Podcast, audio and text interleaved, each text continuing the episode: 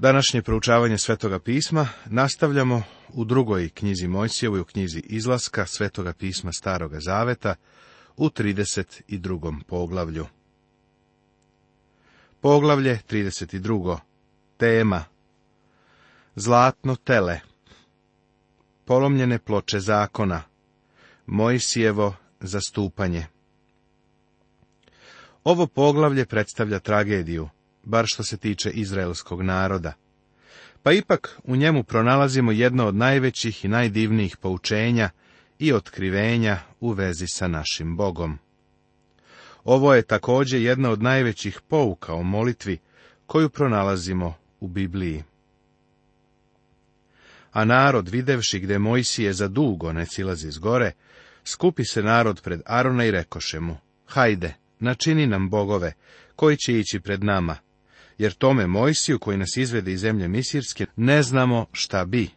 Narod je mislio da je Mojsije nestao, da je verovatno poginuo. Pošto je nestao, želeli su da naprave idole, bogove, koji će ih dalje voditi na putu kroz pustinju. Odmah su upali u idolopoklonstvo. Čovek bi pomislio da će Aron, njihov prvosveštenik, pokušati da ih spreči, ali nije. Aron se složio sa liberalizmom naroda koji je iskazao želju da se vrati idolopoklonstvu.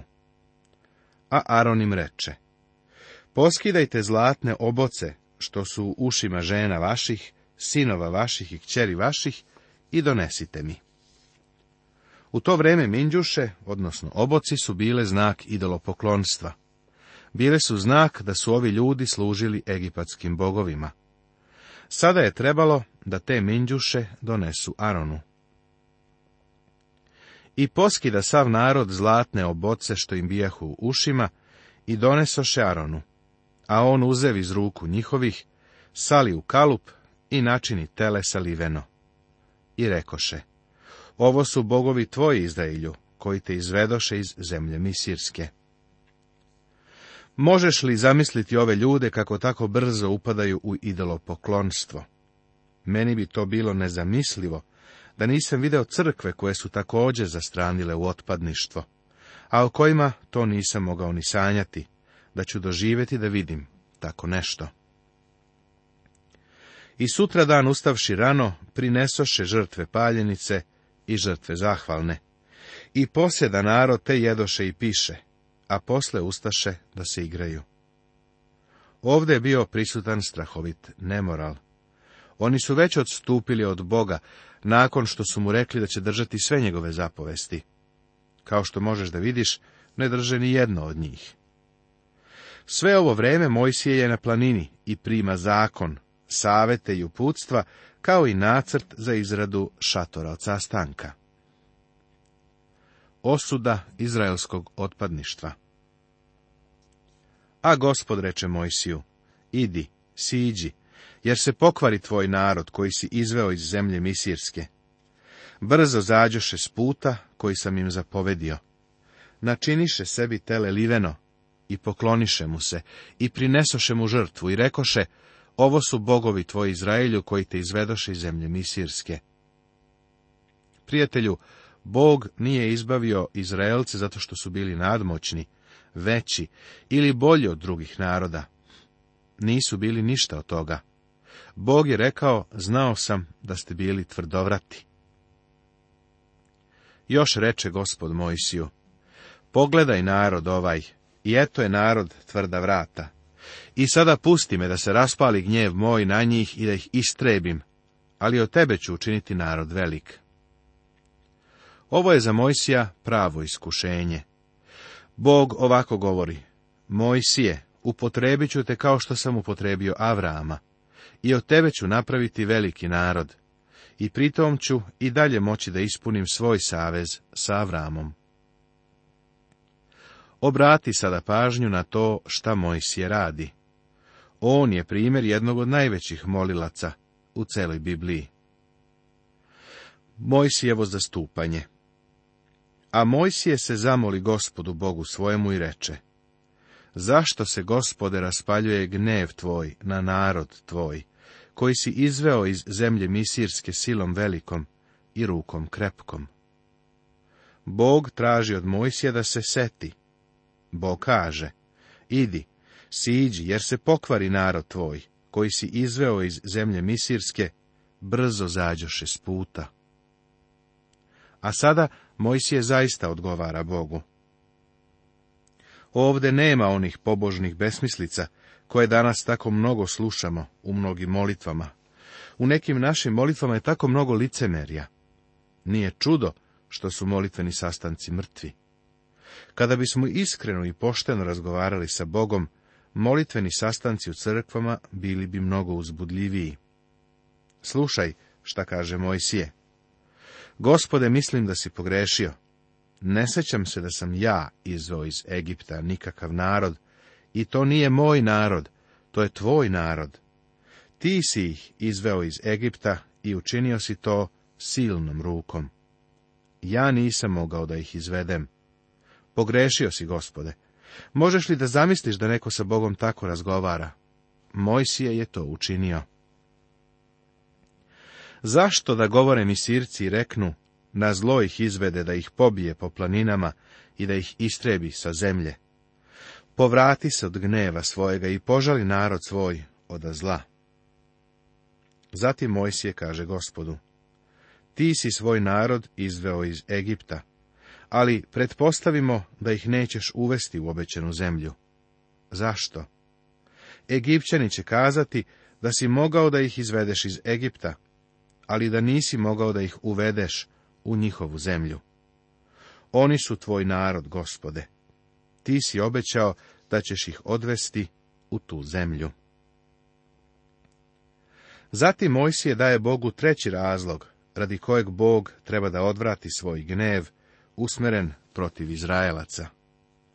Opomeni se Avrama, Isaka i Izraelja, sluga svojih, kojima si se sobom zakleo i obrekao im, umnožit ću seme vaše kao zvezde na nebu i zemlju ovu za koju govorih, svu ću dati semenu vašemu da je njihova do veka.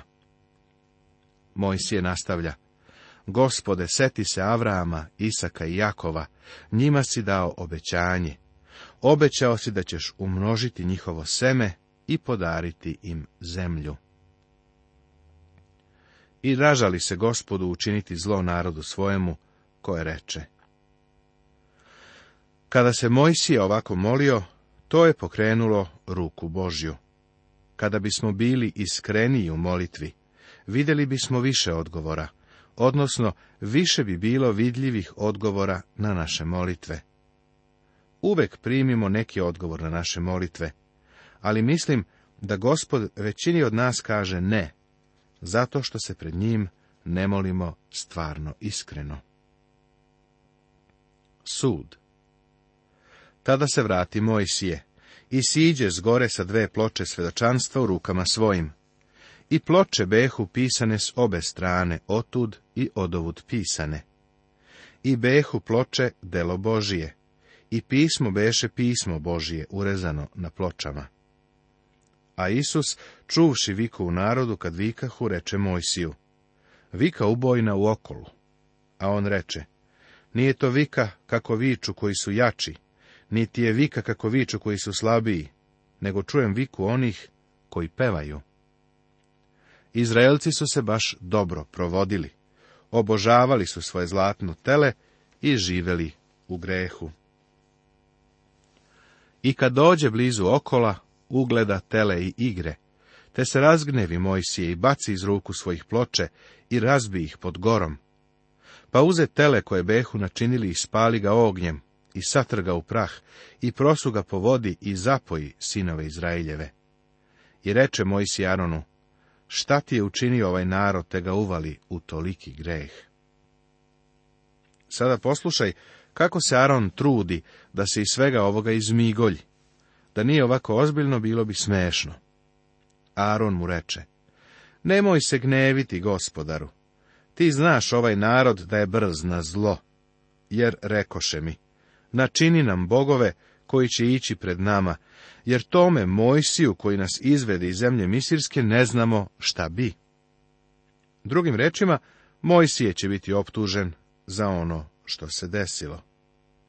Izraelci su mislili da ih je Mojsije napustio, pa su se okrenuli ka zlatnom teletu. I Aron nastavlja. A ja im rekoh, ko ima zlata, neka ga skida sa sebe i dadoše mi, a ja ga bacih u vatru i izađe to tele. Jednostavno ne možeš da se ne nasmeješ ovome što Aron govori. Mislim da se i Mojsije u neverici smejao. Arone, hoćeš da kažeš da si izlio zlatu u vatru, a onda je tele samo i šetalo. Samo nekoliko stihova ranije, ako se sećaš, rečeno nam je da je Aron osmislio i oruđem oblikovao tele. Aron je sada lagao. A Mojsije, videći narod go, jer ga ogoli Aron na sramotu pred protivnicima njihovim, pitanje nudizma, seksa i droge nije ništa novo. Mislim da možeš da pogledaš na Izraelce i kod njih vidiš deo svega toga. Mojsije će to u potpunosti sagledati. On se stvarno razbesneo.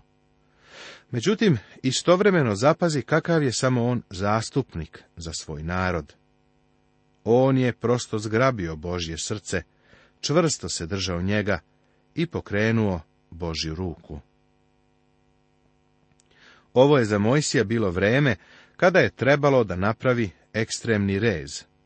Kada imaš rak, a to znam iz ličnog iskustva, trudiš se i želiš da ga se otarasiš. Ako to znači da treba da se odseče pola tvoga tela, ipak želiš da ga se rešiš. Greh je užasan rak i Bog u ovom slučaju koristi ekstremni rez. Ubija one koji su krivi. Stade Mojsije na vrata od okola i reče, k meni, koje gospodnji.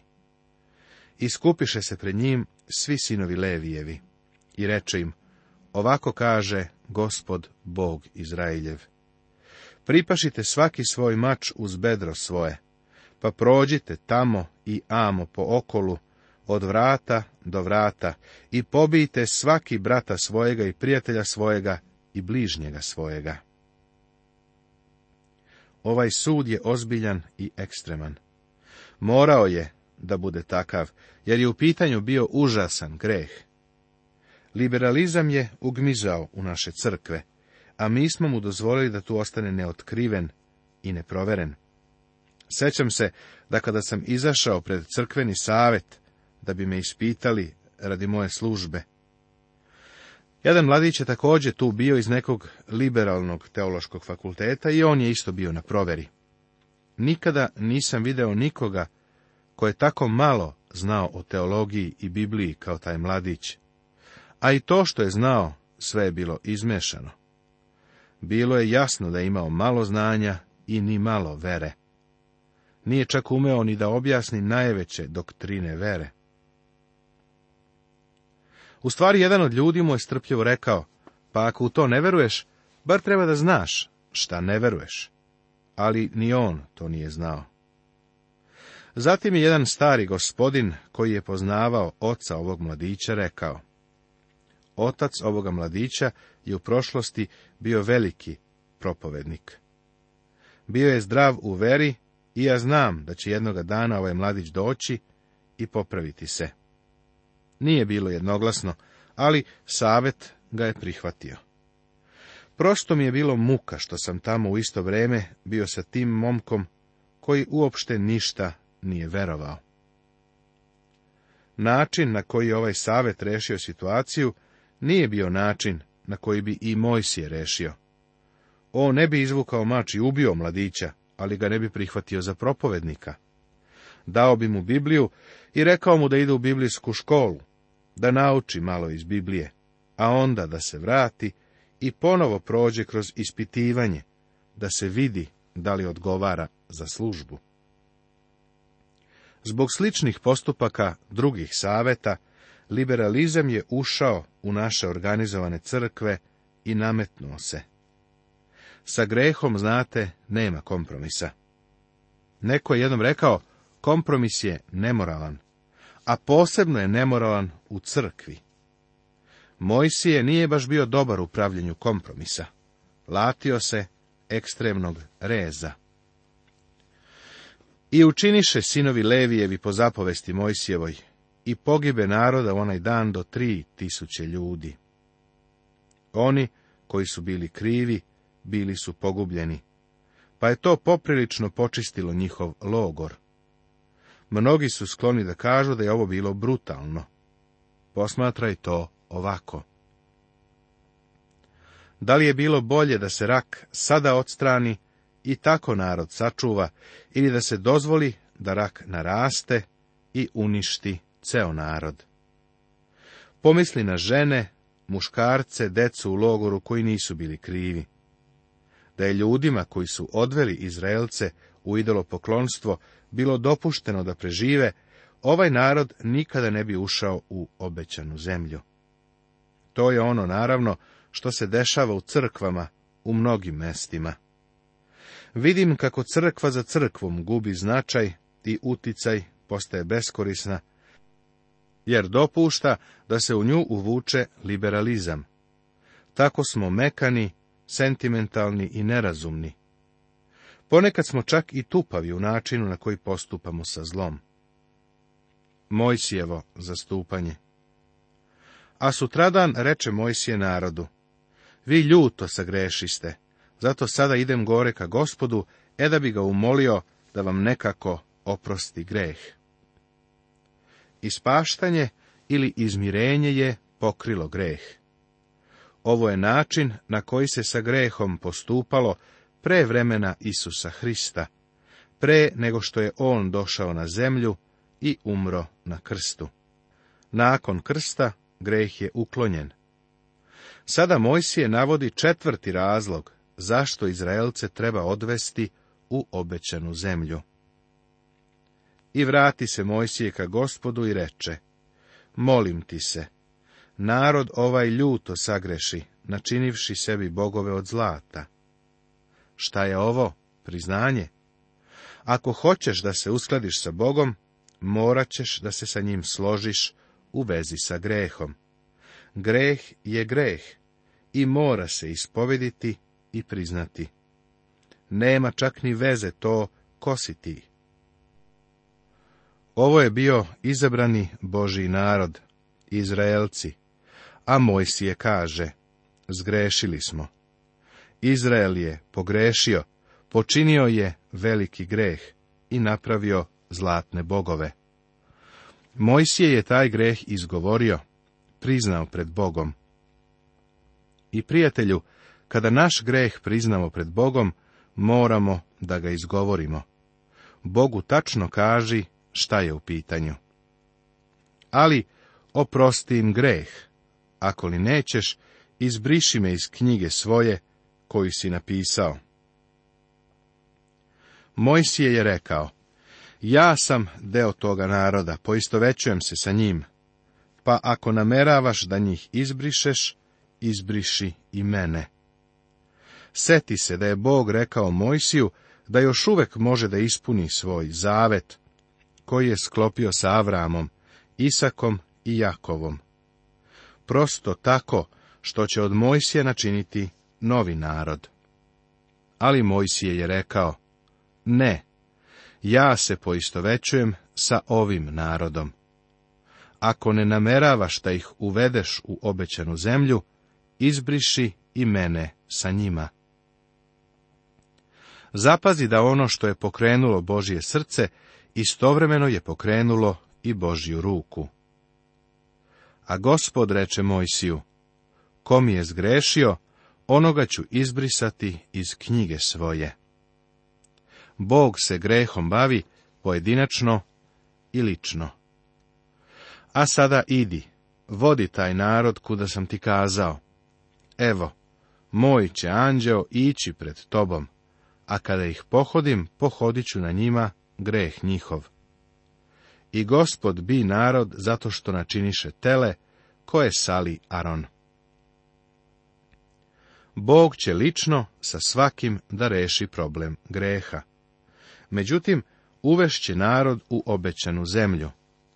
Oni koji nisu zgrešili kroz idolopoklonstvo sa zlatnim teletom, bit će vođeni anđelom gospodnjim. Anđeo gospodnji u Starom zavetu jeste vidljivo Hristovo prisustvo. Prisustvo preutelovljenog Hrista. Zbog Mojsijevog zastupanja, Bog nije odustao od svoga naroda. Ovo na nas treba da ostavi utisak ekstremne važnosti molitve. Poštovani slušaoci, ovim smo završili 32. poglavlje druge knjige Mojsijeve, knjige izlaska, svetoga pisma Starog Zaveta. U našem narednom programu nastavljamo sa razmatranjem poglavlja 33.